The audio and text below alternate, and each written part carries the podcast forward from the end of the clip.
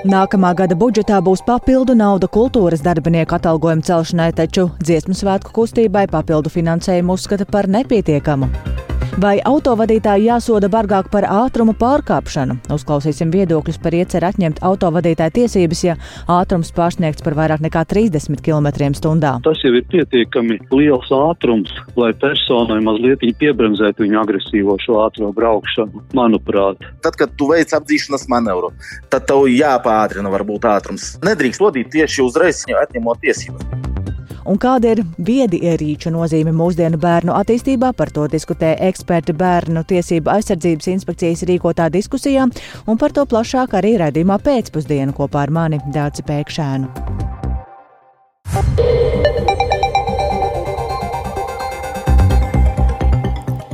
Pulkstenis ir 16,5 minūtes, ēterā 4. decembra raidījums pēcpusdienā ar plašāku skaidrojumu par šīs dienas būtiskajiem notikumiem. Studijā Dāca Pēkšēna, esiet sveicināti!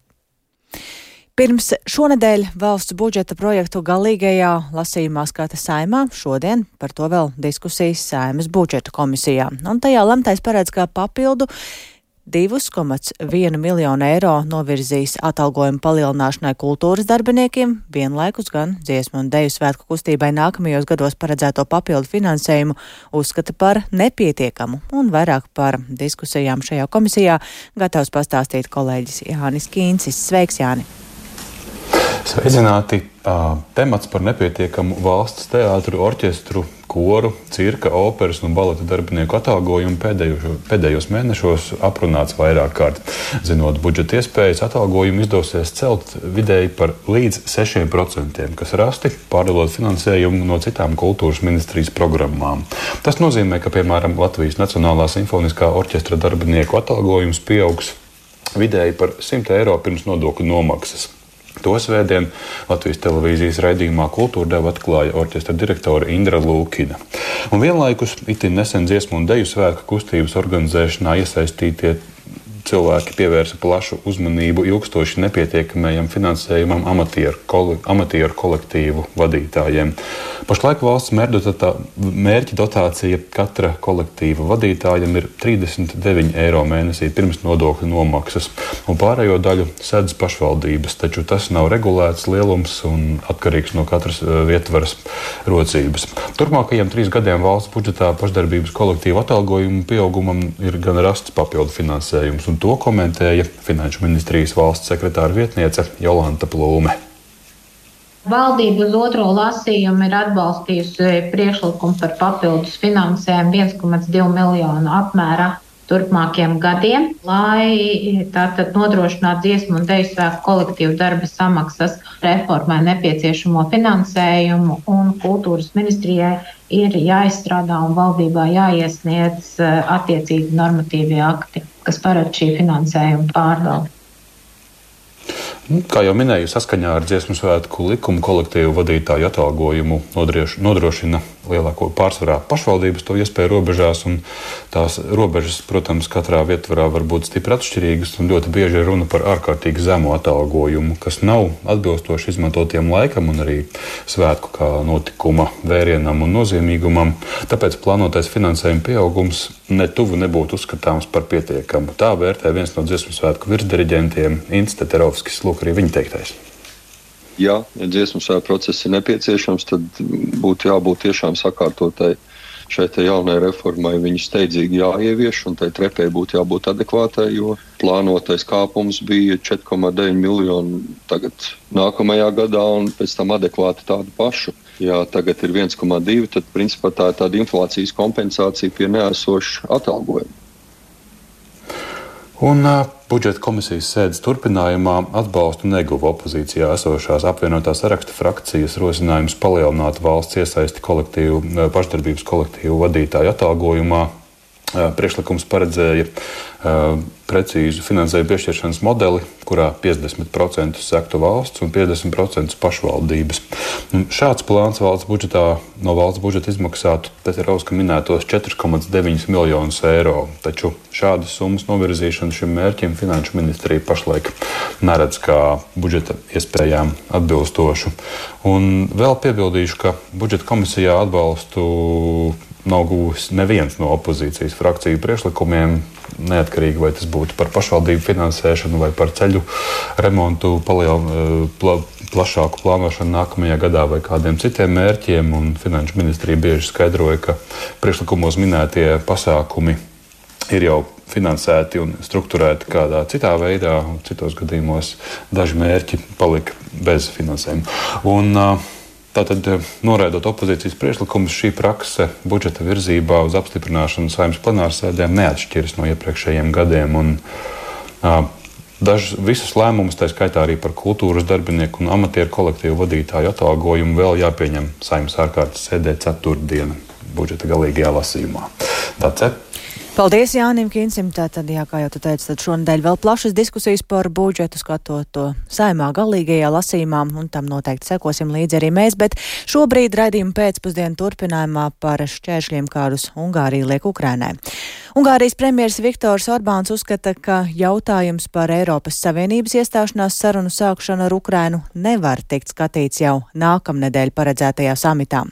Orbāns turpina uzstāt, ka vispirms 27 valstu līderiem būtu jāizdiskutē, kādu iespaidu uz Eiropas Savienību varētu atstāt tik lielas un salīdzinoši nabadzīgas valsts pievienošanās varētu atstāt un devē Eiropas komisijas priekšlikumu par nepamatotu. Lai saprastu, cik nopietni varētu būt šie Ungārijas premjera draudi, mēs eh, tagad esam sazinājušies ar mūsu Briseles korespondentu Arčomu Konohovu. Labdien, Arčom, un eh, tad saki, kādi īsti ir tie Ungārijas premjera iebildumi pret uh, paplašanāšanās sarunu sākšanu ar Ukrainu? Labdien! Tik tiešām iebildumi ir izskanējuši jau iepriekš, bet svētdienas vakarā Viktors Orbāns, Ungārijas premjers, tos ir pacēlis jaunā līmenī un izskatās, jā, ka viņš pavisam nopietni uzskata, ka šobrīd nebūtu īstais laiks, lai sāktu iestāšanās sarunas ar Ukrainu. Viņš saka, ka tas ir pretrunā ar Ungārijas interesēm un ka tas esot pretrunā arī ar daudzu citu valstu interesēm un Eiropas komisija, kas ir sagatavojusi priekšlikumu, vienkārši nevēlas par to runāt un viņu priekšlikums ir nekvalitatīvs, nepamatots, un tāpēc arī saka, ka nākamnedēļ paredzētajā Eiropas Savienības valstu līderu samitā šo jautājumu nevar skatīt, tas būtu jāatliek, un ka Eiropas komisijai vajadzētu pārstrādāt un nakt ar šo priekšlikumu tad, kad būs iespējams sasniegt kopīgu lēmumu un kompromisu šajā jautājumā, kas pēc viņu domām šobrīd nav iespējams. Rēģējot uz šo Eiropas komisijas preses sekretāre Anna Pisanero sacīja, ka Eiropas komisija paliek pie sava. Paklausīsimies!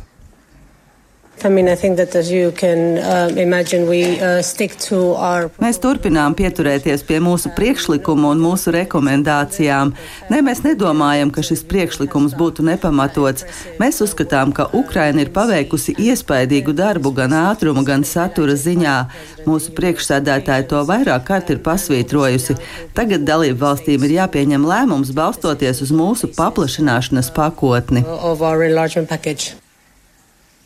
Tātad eh, mēs redzam, jā, ka Eiropas komisija paliek pie sava un saka, ka Ukraina ir izdarījusi pietiekami, lai tā varētu uzsākt iestāšanās sarunas.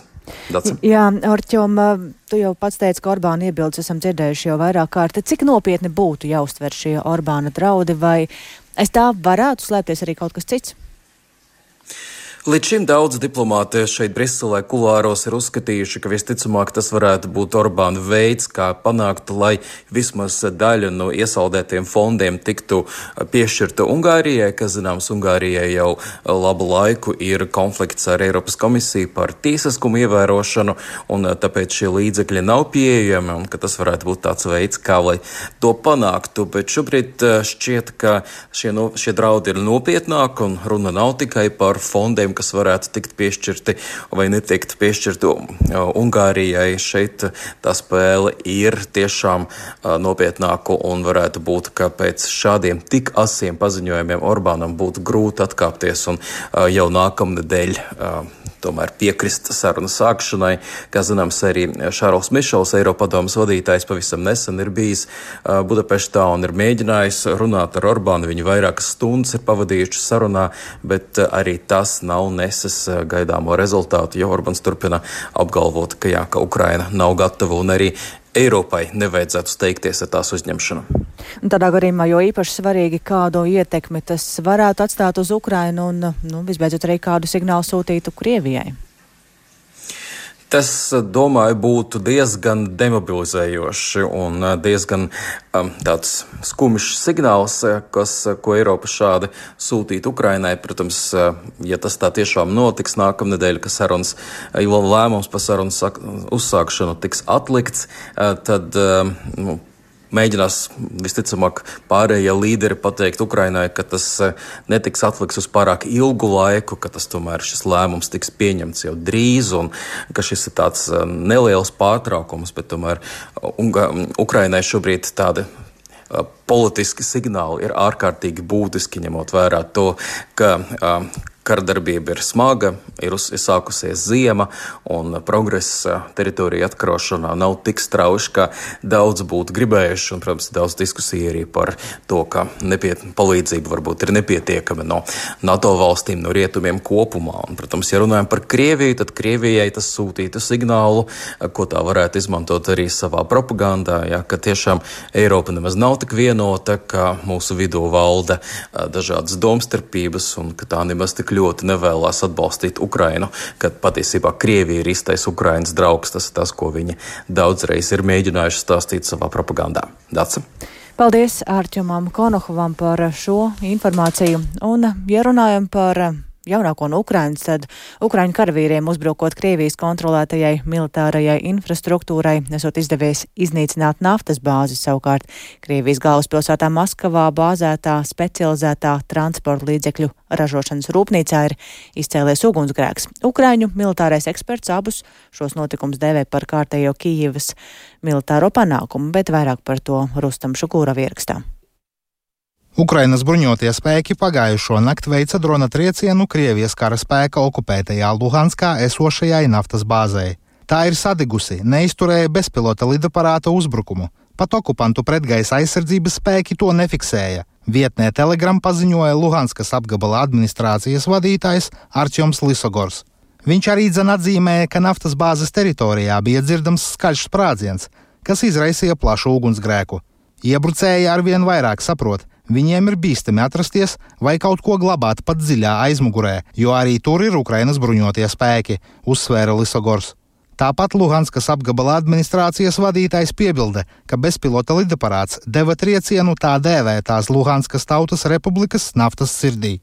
Ar līdzīga rakstura metaforu triecienu naftas bāzei komentēja militārais analītiķis un atvaļinātais Ukrainas bruņoto spēku pulkvedis Romāns Svitans Topливо – это кровь любой армии. Без... Degviela ir jebkuras armijas asinis. Bez degvielas armija izžūst un nevar kustēties, un Krievijas armija parasti sāk bēgt, jo nepietiekamais munīcijas daudzums liek viņiem diezgan ātri atkāpties. Tā kā rokās daudz munīcijas nevar aiznest, tā ir jāpiegādā ar transportu.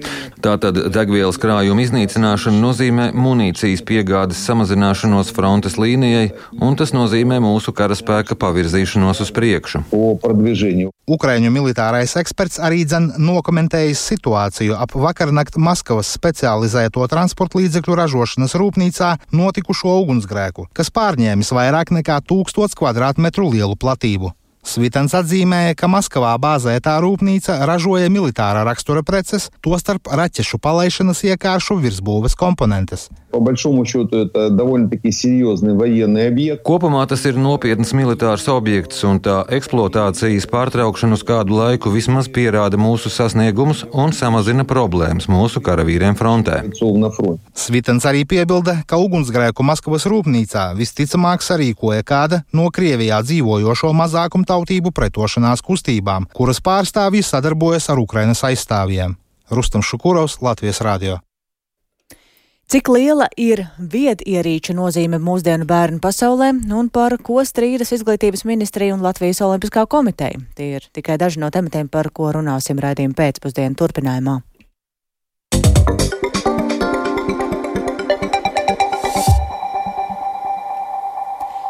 Bet vispirms par to, vai spēkratu vadītāji par pārkāpumiem būtu jāsoda bargāk. šobrīd ir iecerta, ka var nākties šķirties no autovadītāja apliecības, ja ātrums ir pārsniegts par vairāk nekā 30 km/h, un maksāt sodu arī tad, ja ātrums bijis līdz 10 km/h lielāks.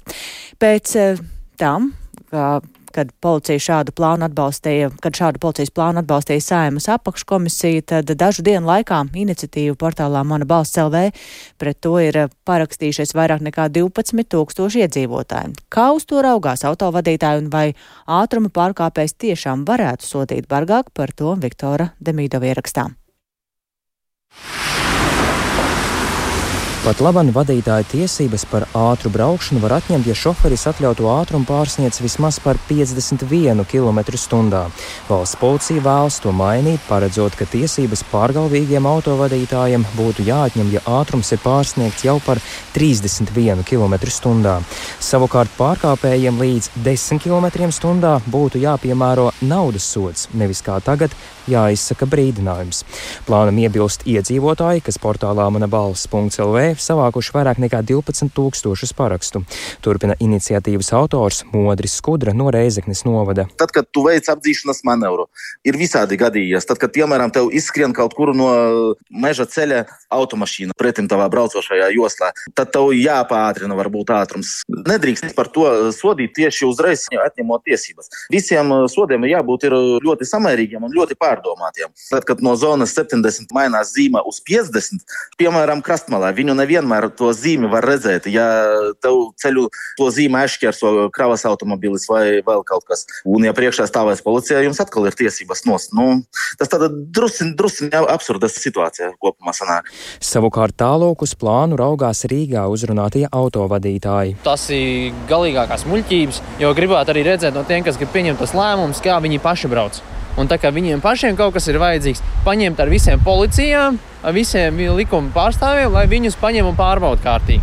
Un nevis tikai vienreiz vai divreiz, bet pasakot viņiem krietni līdzi un tā viņiem arī nezinot. Jāskatās, reizēm gadās, tu pirmo reizi netīšām pārkāptu 30. Nu, tiešām es pat esmu tiešām netīšām pārkāpus.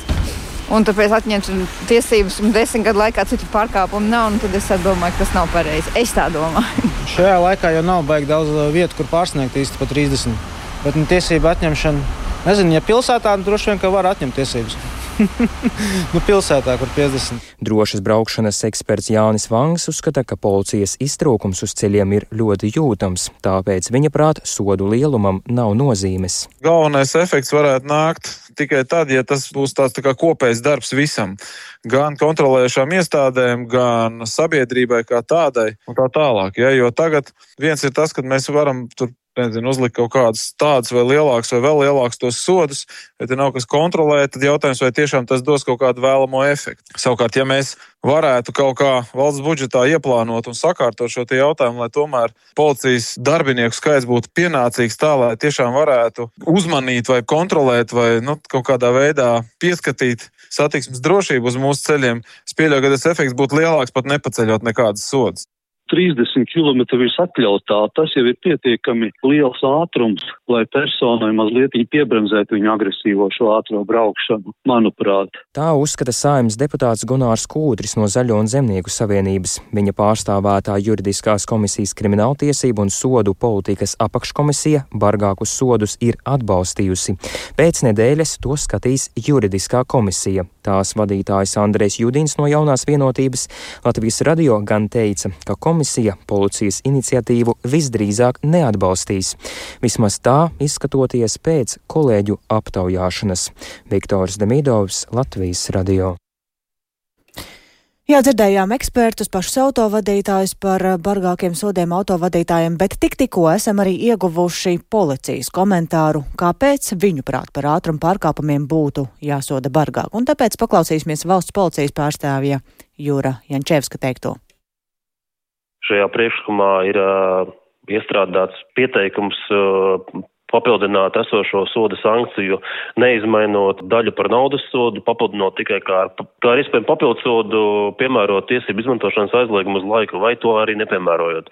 Faktiski šajā priekšumā šis papildus sodu piemērošana nav kā obligāta sankcijas daļa, bet eh, izvēles, eh, izvēles veids, ko tad arī, ja viņš gadījumā stāsies spēkā, tad arī amatpersona eh, nosakot šo sodu vērtēs to pēc nepieciešamības. Galvenais kritērijs ir tieši tam, ka, lai būtu cīņa ar šiem te atkārtotiem ātruma pārkāpējiem, kuri gada laikā vairāk kārtīgi pārsniedz šo atļautu braukšanas ātrumu vairāk kā 30 km/h. Un arī veicot šo pētījumu, valsts policija izvēles veidā pētīja 600 autovadītājus, kuri gada laikā bija pārsnieguši šā, šāda veida ātrumu vairāk kā 31 km/h, un faktiski pārējot gadam mēs redzam, ka apmēram 20% no šiem vadītājiem joprojām turpina pārsniegt vairāk kārtīgi ātrumu vairāk kā pa 30 km/h. Ņemot vērā, ka šobrīd likumdevējs nav norādījis šo te pastiprinošu apstākli, tad faktiski mēs vairāk šo uzskatām par sodu individualizāciju, tādā veidā nosakot un vērtējot katru pārkāpumu atsevišķi. Un, protams, tas galvenais mērķis ir tiešām šo te aizliegumu piemērot šādos gadījumos, kad persona jau ir vairāk kārtēji pārsniedz šo te braukšanas ātrumu vairāk kā pa 30 km/h. Tālūk valsts policijas pārstāvis Juris Jančevskis par to, kāpēc jāsoda bargāk autovadītāji par ātruma pārsniegšanu. Palīdzi jauniešiem, kurus līdzcilvēki izvēlas neredzēt. 17 gados atmetusi dzeršanu, narkotikas un izcietusi tiesas piespriesto sodu par narkotiku pārvešanu. Tāds ir Elizabetes stāsts. Jau agrā bērnībā meitene piedzīvojusi smagu vārdarbību un arī dziļu vientulību. Un ar šo stāstu iesākam šī gada labdarības maratonam dot pieci veltītu sižetu sēriju, kurā runāsim par jauniešiem, kas sarežģītu apstākļu dēļ ir nonākuši riskantās situācijās vai nespēja iekļauties sabiedrībā. Un par jau pieminēto Elizabeti vairāk Paulas Dēvids ierakstā. Sabiedrisko mēdīju labdarības maratons dod pieci palīdz jauniešiem, kurus līdzcilvēki izvēlas neredzēt. Tajā ģimenē, tā kā agrāk ir īpaši, es vispār nevienam nepatiku, un uh, tāpēc visas dusmas pāršā bija uz mani. Tā ir 17 gadus vecās Elizabetes balss. Viņas vārds ir mainīts. Elizabete lielu daļu bērnības nodzīvoja lielā ģimenē ar četriem vecākiem brāļiem un māsām, mammu un patēvu. Cilvēku maisaimniecībā bija daudz, tomēr meitene lielākoties bija pavisam viena. Es biju jaunākā, tāpēc man daudz ko tā kā, daudzreiz tā kā nopirka vai kaut ko, zini, tā kā jaunākajam bērnam, bet uh, tāpēc viņi man sāk ienīst, un tad uh, visu laiku sūdzējās vecākiem, kad viņiem neko nepērk, un tad viņiem sāka pirkt, un arī vecāki man vienkārši pastūma malā, un es paliku vien pati. Ģimenē bija lielas naudas grūtības, un vecākiem arī atkarību problēmas. Elizabete atceras, ka mamma daudz dzēra. Nu, visu laiku mājās bija tusiņi, un uh, visāda lieta tur notika. Nu, kautiņi, visi pēc kārtas, nu, ļoti drausmīgs skats īstenībā priekš bērnu. Labu piemēru nerādīja arī patēvs, kurš ne tikai dzēra, bet bija arī vardarbīgs. Principā es varu neko neizdarīt, man vienkārši atnāk sāk bļaut virsū. Daudzreiz arī vienkārši atnāk un sāk sist, ja es kaut ko bišķi nepareizi izdaru. Māma neko viņam neteica par to? Viņa visu laiku solīja, ka viņa runās ar viņu, jo tad, kad viņi sagāja kopā, viņš bija tikko no cietuma iznācis. Viņš uh, bieži arī dzēra, tāpēc mamma dzēra. Mums bija mazākais brālis no viņa piedzima. Viņš bija šūpulītī un es netīšām ar kāpu šūpulīti uzsitu, ejot garām.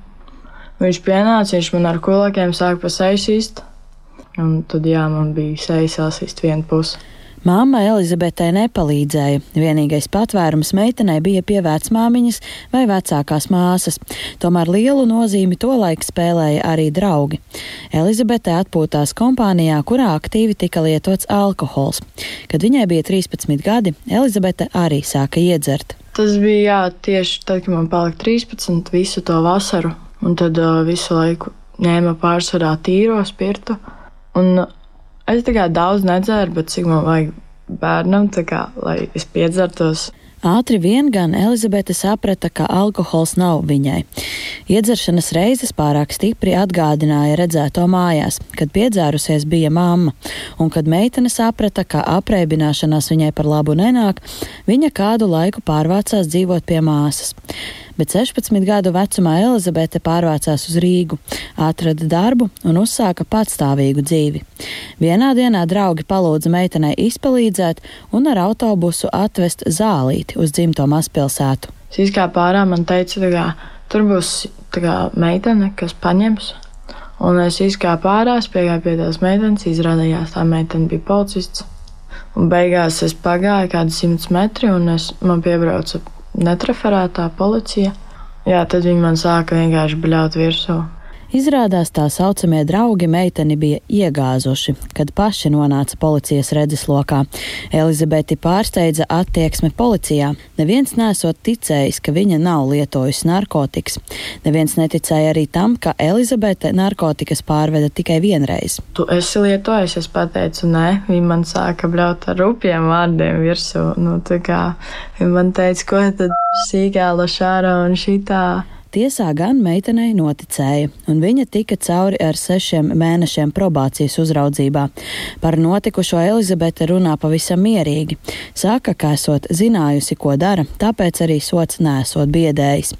Cauri visam piedzīvotajam viņai ļoti palīdzēja arī organizācijā Palīdzēsim LV, kas sniedz atbalstu bērniem un pusauģiem. Tur Elizabetei bija pieejams psiholoģiskais atbalsts. Tieši šī palīdzība ļāvusi meitenei notiekošo uztvert viegli vieglāk. Nav par ko stresot, ja tu to darīji. Tu zināji, ka tas var notikt, un tad uh, man vispār arī policija tā stresu nedod. Es uz viņiem varu skatīties, runāt. Nu. Bērnu psihiatrs Gunārs Trimda Latvijas radio skaidro, ka nereti bērniem un pusauģiem, kas dzīvojuši sarežģītos apstākļos, dažādu vielu lietošana un riskants dzīvesveids ir sava veida anestētiskais līdzeklis. Proti, tas palīdz nedomāt par piedzīvoto vai joprojām notiekošo mājās, skolā vai citviet. Trimda uzsver, ka nereti šādās ģimenēs pusaudzim nav pieejama psiholoģiskā palīdzība arī, ja viņš pats to vēlas. Pie bērnu psihiatra nāk pusauģi arī bez vecākiem, un arī reizēm uzsauģi saka, ka eh, labāk arī vecākiem nezināt. Bijuši arī gadījumi, kad vecāki nesaprot un ir neapmierināti, ja, un tam ir savi iemesli, protams, atzīt to, ka ģimenē ir kaut kādas grūtības. Tas galīgi nav vienkārši. Vieglāk ir ar uh, rozā brillēm staigāt. Turklāt nereti psiholoģiskās palīdzības saņemšanu apgrūtina arī atbilstošu speciālistu pieejamības problēmas. Arī uz vizīti pie trimdas rindā jāgaida divi līdz trīs mēneši. Elizabete kādu laiku saņēma psihoterapeita palīdzību, taču tagad to vairs neapmeklē. Nu, es īsti nevaru tik perfekti runāt par savu bērnību, un tā nu, es negribu tur iet dziļāk. Elizabete šobrīd mācās un domā par to, kā nākotnē dzīvot labāk.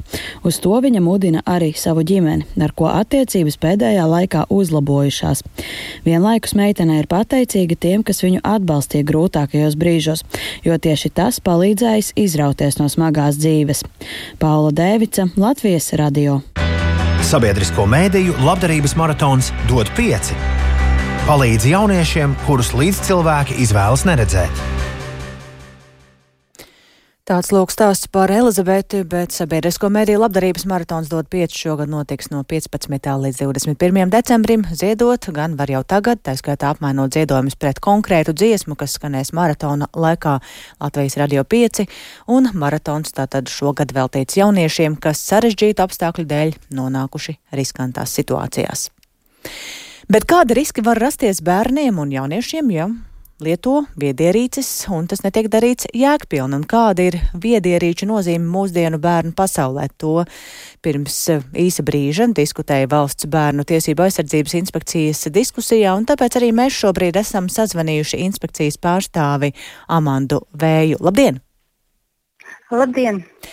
Droši vien ir jāizdala vairāki vecumposmi, runājot par viedierīcēm. Šīs dienas diskusijās uz kādu vecumposmu koncentrējāties un kurš jūs kā speciālistus satrauc visvairāk? Jā, šīs dienas diskusijas fokus mums vairāk bija domāts tieši uz maziem bērniem, uz tādu agrīnu viedierīču lietošanu. Um, tas ir tas pirmais brīdis, kad varbūt bērni vispār sastopās ar uh, planšeti, telefonu vai, vai televizoru. Līdz ar to mēs vēlamies pievērst uzmanību tieši šiem maziem bērniem un varbūt vecāku tādai atbildībai šai pirmajai iepazīstināt bērnu ar viedierīcēm. Un kas Tāpēc ir tie riski? Jā, un kas mm. ir tie riski, kas jūs visvairāk satrauc un kāpēc jūs par to runājat?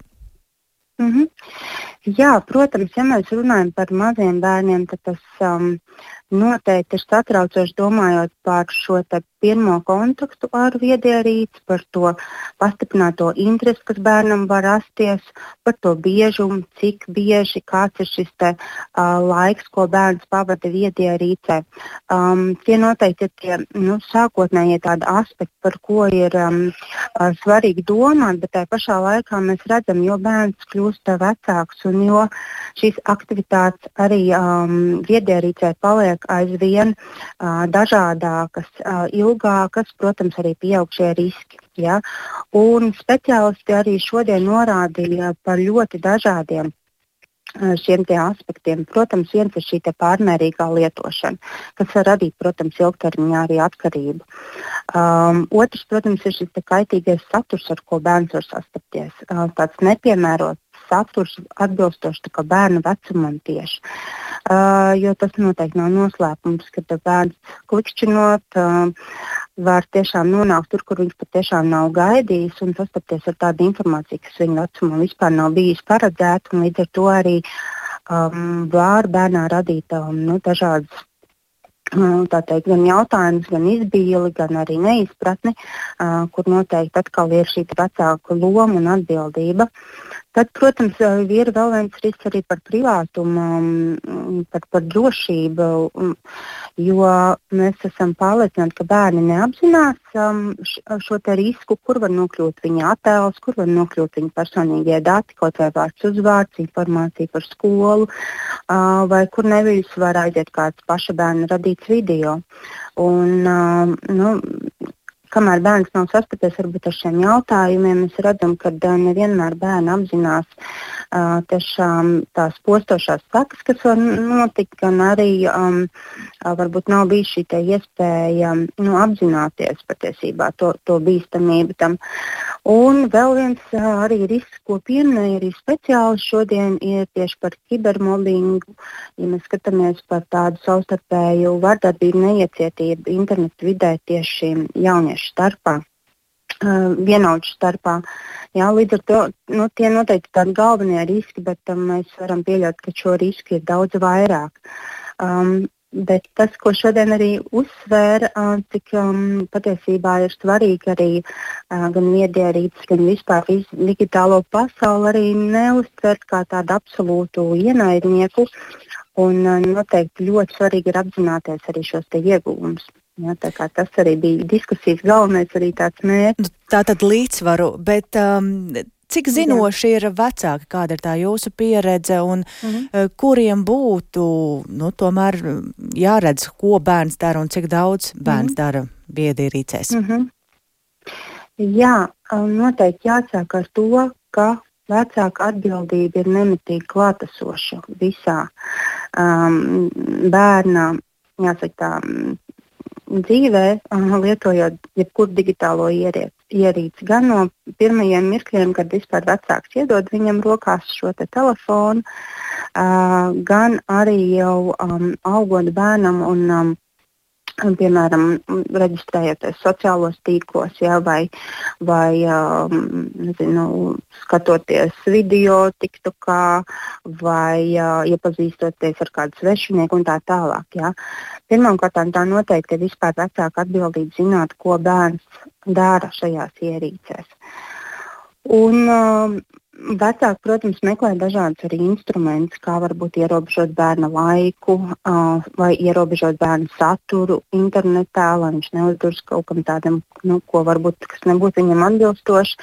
Bet mēs nekur nevaram iztikt tomēr bez vecāku šīs klātesamības un um, um, bez sarunām par to, kas ir droši, kas nav droši, par to, kā rīkoties, kā būt pareizāk, kur meklēt palīdzību. Un, protams, ir vecāki, kas ir ļoti kompetenti, kas paši aktīvi izmanto viedierīces un kas zina arī šos drošības jautājumus, šos riskus, un vecāki arī ļoti seko tam līdzi. Bet, protams, um, mm, vecāku pieejas ir ļoti atšķirīgas. Un arī ir vecāki, kas ļoti brīvi ļauj bērniem izmantot viedierīci. Jā, bet tā pavisam um, īsi, kur, uh, kur smelties vecākiem uh mhm. -huh. informāciju, ja tomēr ir tā sajūta, ka jā. nav tās zināšanas pietiekami? Jā, noteikti ir iespēja uh, apmeklēt mājaslapu droši internets.lv kur ir ļoti daudz palīdzoši resursi tieši vecākiem, jau konkrēti, piemēram, norādīti par dažādām sociālām platformām, kā viņas lietot, kur ziņot, kādi ir riski. Viņi var visu to apskatīties un, un pārliecināties un paši izlasīt. Mm. Tas, protams, nav vienīgais materiāls, bet ir iespēja noteikti šajā mājaslapā atrast ļoti noderīgu informāciju. Vēl, ja ir nepieciešams atbalsts vecākiem, mēs noteikti gaidām arī vecāku zvanus uz bērnu pusauģu uzticības tālruni 116, 111, kur arī var konsultēties tieši par internetu drošības jautājumiem. Tātad jā, arī paši jā. bērni, gan vecāki. Tātad arī šāda iespēja ir. Paldies par sarunu mhm. Bērnu tiesību aizsardzības inspekcijas pārstāvēji Amandai. Vējai, tātad runājam par viedierīcēm, kuras ir ļoti noderīgas, ja tās izmanto jēgpilni un ar mēru. Bet uh, tagad gan par sportu un to, ka Izglītības un zinātnes ministrija šorīt um, izplatīja publisku paziņojumu, aicinot Latvijas Olimpiskās komitejas vadību atteikties no pretenzijām pret konkursā izvēlēto Latvijas Olimpiskās vienības valdes locekli un apstiprināt viņu amatā. Ministrija pat esot gatava tiesāties, bet Olimpiskā komiteja neizprot, kāpēc nelielas domstarpības par konkursa niansēm ir padarītas publiskas. Un vairāk par šo tēmatu jau tūdaļ runāsim ar kolēģi Mārtiņu Kļavnieku. Sveiks, Mārtiņu! Un tad izstāsti, par ko īsti strīds ir starp ministriju un Olimpisko komiteju. Jā, sveiki, Dārts, un sveicināt arī Latvijas radio pirmā kanāla klausītāji.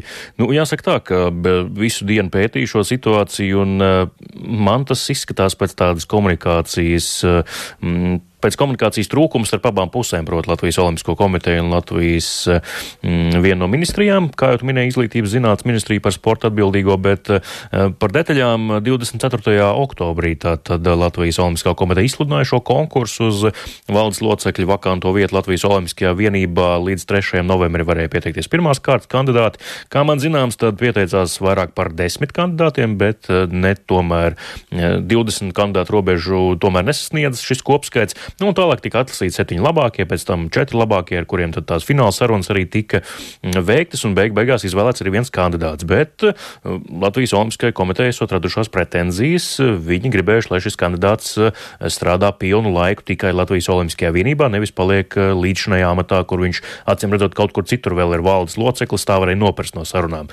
Bet konkrētāk par to, ko saka ministrija, vairāk sporta departamenta direktors Vladimirs Steinbergs pastāstīs tulīt šaubas par procesu caurspīdīgumu un labu pārvaldību. Ja, ja mēs uh, sludinam konkursu bez pārējo dalībnieku iesaistīšanās, jo sākotnēji konkurss vispār tika izsludināts bez saskaņošanas ar pārējiem dalībniekiem. Bet tad, kad uh, ministri iesaistījās un aicināja veidot neatkarīgu komisiju, pieņemt kaut kādas vadlīnijas attiecībā pret kandidāta izvērtēšanu un tā tālāk, visam loks bija spiests piekrist un piekrist. Divi, trīs dažādi varianti, kāpēc mēs viņu nevaram iecelt. Ir iemesls un pamats domāt uh, par to, ka ir bijis sākotnēji paredzēts konkurss kādam konkrētam kandidātam. Neuzvarēja tas, kam bija paredzēts tas konkurss, un tāpēc arī uzvarētais netika iecelts. Jā, tālāk izglītības un zinātnes ministrijas sporta departamenta direktora Vladimira Steinberga skatījums uz šo situāciju, bet, nu, joprojām tātad Latvijas Olimpiskā vienība um, faktiski ir bez vadītāja. Dace? Jā, Mārtiņa, vai ir skaidrs, kā puses šīs domstarpības varētu atrisināt? Jā, nu, tā noteikti ir saruna. Tam piekrita arī Latvijas Olimpiskās komitejas vadītājs Jānis Buks, ka vēlreiz jāsēžas vienkārši visiem pie galda. Tas viss ir jāizrunā, jo arī um, jā, Latvijas Olimpiskā komitejas bijis nepatīkami pārsteigti par to, ka Izglītības un zinātnes ministrija šo procesu padarījusi publisku, jo tas varēja nu, rezultēties ar to, ka tā būtu vēl viena savstarpējā saruna un varbūt, ka viss būtu atrisinājies. Jo Olimpiskā komiteja ir gatava šo mm, konkrētu izvēlēto cilvēku nolīgt, parakstīt ar viņa darba līgumu visticamāk par nodarbinātības formu. Tur arī kaut kāds maziņš strīds ir abām pusēm. Bet, eh, jā, galvenā Olimpiskās komitejas prasība tas, lai šis cilvēks strādā tikai Latvijas Olimpiskajā vienībā. Paklausīsimies Jāni Buku. Es šo neredzu kā problēmu. Es to redzu kā līdz galam neizdiskutētu procesu. Šo jautājumu nevar izsnākt no tādas juridiskās puses, kuram vairāk taisnība. Brīnos par šādu paziņojumu no ministrijas puses, jo es tiešām neredzu, ka šo procesu nevarētu turpināt un atrast labāko kandidātu. Kaut kādā dienas beigās mēs jau esam atraduši to labāko kandidātu. Teiksim, Olimpiskās komitejas pozīcija ir tāda, ja šis kandidāts ir gatavs sākt darbu Olimpiskajā vienībā, kā valdes loceklis, tad viņš var sākt kaut šodien, bet tad tam ir jābūt vienīgajai viņa darba vietai. Jā, Jā tālāk Jānis Buks, Latvijas Olimpiskās komitejas vadītājs. Jā, Dācis. Pavisam, pavisam dažās sekundēs nākamie soļi, tātad, lai būtu jaunais vadītājs. Jāsēž visiem pie sarunu galda, jādiskutē, un uh, Latvijas Olimpiskā komiteja ir gatava, ja netiek parakstīts darba līgums ar šo izvēlēto kandidātu, sākt visu no jauna, atkal sludināt jaunu konkursu. Paldies Mārtiņam Kļaviniekam, un ar to tad arī skan raidījums pēcpusdiena. To producēja Lauris Zvēnieks, ierakstus montē Renāša Teimans par labskaņu rūpējās Rīta Karneča un ar jums sarunājās Dāca Pēkšēna. Yeah.